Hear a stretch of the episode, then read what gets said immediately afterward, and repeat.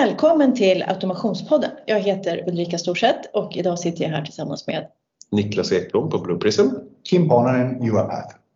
Och vi tänkte att vi skulle prata om process mining idag.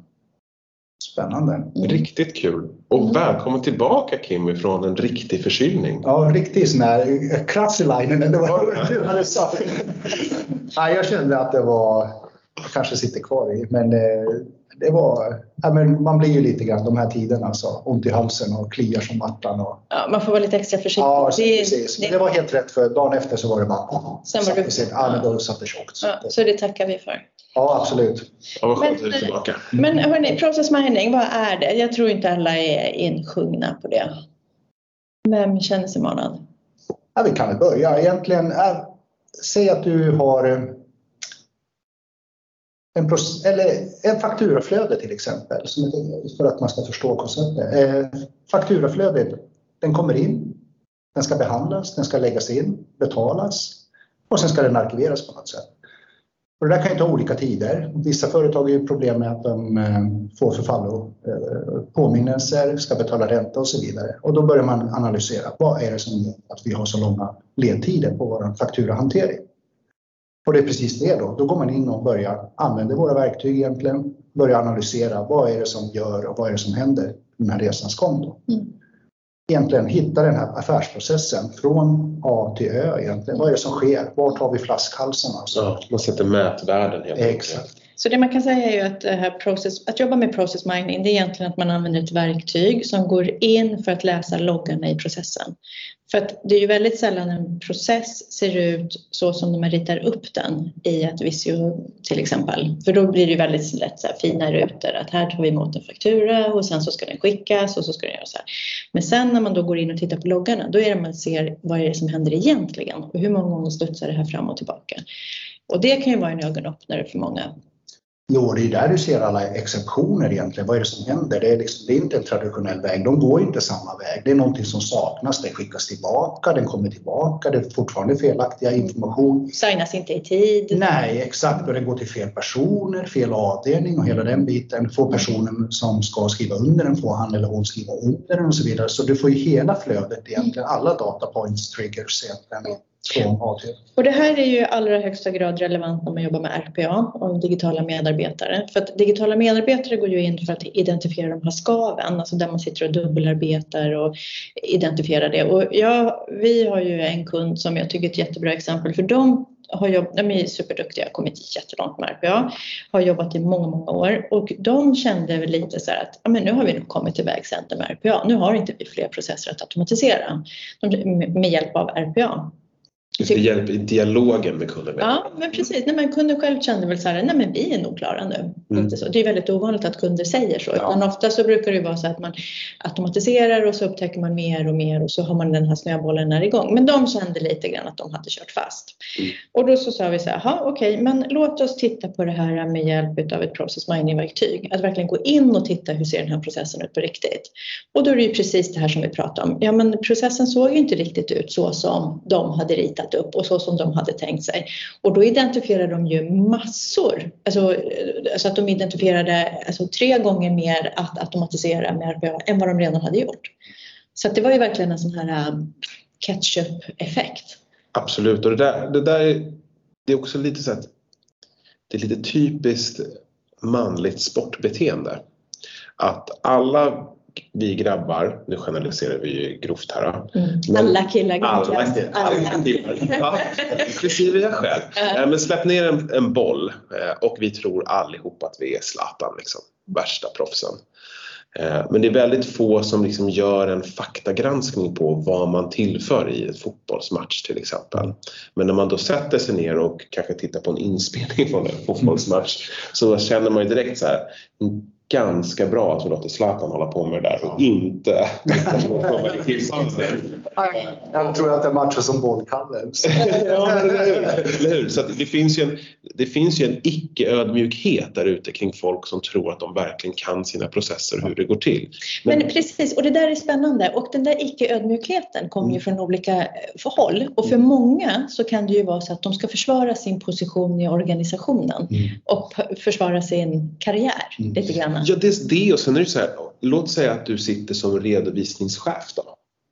Och sen så dyker det liksom upp, eh, eh, eller ja, redovisning av kanske ett dumt exempel då, men säg att du sitter, nej, det är i och för sig ett ganska bra exempel, men så visar det sig liksom att ni gång på, gång på gång betalar räntor på fakturor ja. som är förfall för sent. Och sen plockar man in ett tool och så märker man att under de här sex åren där Kim mm. har suttit som redovisningschef så har vi försakat en jävla massa stålar. Mm. Det är klart att det är någons face. Det gör ont. Det gör ont. Mm. Och den här icke-ödmjukheten, det är ju någonting för oss tre runt bordet att dels hitta personer runt omkring som känner att de är intresserade av att faktiskt lyfta på de stenarna och sen även lyfta på de stenarna utan att det gör ont på den här individen. Mm. Och det, det det är, lite, det är, det är en mm, utmaning. Det är plågsamt. Mm, det är plågsamt och det är, det är en utmaning. Eh, och det gör ju också i sin tur att, att, att förstå varför man vill jobba med process mining, det är ju sjukt enkelt egentligen. Eh, men samtidigt är det så också att det ger ju en så mycket detaljer eh, kring sina processer så att man ibland kan känna så här att oj, oj, vad det här varit avancerat och svårt. Mm. Därför är det väldigt bra kanske att man börjar som din kund till exempel, att det kanske är ett ganska bra läge att börja med process mining där och då. Därför har de sett vinsten med automation, mm. tycker att det funkar bra och de är taggade på det och också visat en benägenhet att anamma ny teknologi för att lösa ett traditionellt problem. Då kanske man är mer redo att titta på process mining eh, i paritet med kanske man lyfter in det hos en kund som aldrig har sett automation eller process mining. Vad tror du Kim? Ja, men där finns det också, man kan vända på det också, jag håller med dig, absolut. Sen finns det ju den här tanken också, och du nämnde exempel här, vi får gång på gång förfall, eh, liksom räntefakturer och så vidare. Och då är det det här, finns det någonting vi kan, att man tidigt skede kan också lyfta in en affärsprocessverktyg som process mining och titta hur ser vårt flöde ut, vad det nu skulle kunna vara. Det kan vara lagerhantering eller saldo, godshantering och hela den biten. Vad kan vi göra saker? Och på, då, på så sätt upptäcka också, okej, okay, vi har en trång sektor här i den här punkten. Där tar det 7 till 10 dagar innan det händer någonting. Vad är det som gör, okej, okay, det fastnar i den här avdelningen. Ja, det kanske är underbemannat eller det är, för, ja, liksom, det är godkännandeprocessen som är för knepig eller vad det nu kan vara. Och där kan ju då tvärtom istället då, att man upptäcker de här tidigt att okej, okay, vi har ett flöde där det fastnar. Det tar över 40 dagar för oss att eh, processa en, om det är en faktura eller en sändning. Oh, det där har och då kan man gå in och kolla, okej, okay, men i det här flödet, där kanske vi ska automatisera istället. Där kan vi stoppa in FPA i det här flödet. Okej, okay, för att avlasta de här människorna som sitter på den här avdelningen att de kan bara ta ett beslut eller trycka på en knapp. Eller om roboten redan, om det är logistik till exempel, behöver inte godkännas en faktura att den bara skapar saker och på så sätt också jämföra tal efter. Mm. Sen finns det ju häftigt, man kan ju också animera saker också ibland. Att om man gör de här förbättringarna, men, vad sker då? Så. Men just det där som du var inne på Kim tycker jag är jätteviktigt. Jag har jobbat som konsult i tidigare liv och då var jag in på ett stort bolag och de klarade inte av att snurra runt betalningarna på sina fakturor på 30 dagar. Någonsin. Mm. Nej, och tittar man det här som du sa, sitter där sex år till exempel och det är gång på gång. Jag menar en faktura hit eller dit eller en räntefaktura, men ta de här gånger 12 månaderna gånger sex år. Det börjar bli risk och det är oftast enorma belopp det kommer ja, upp i. Absolut.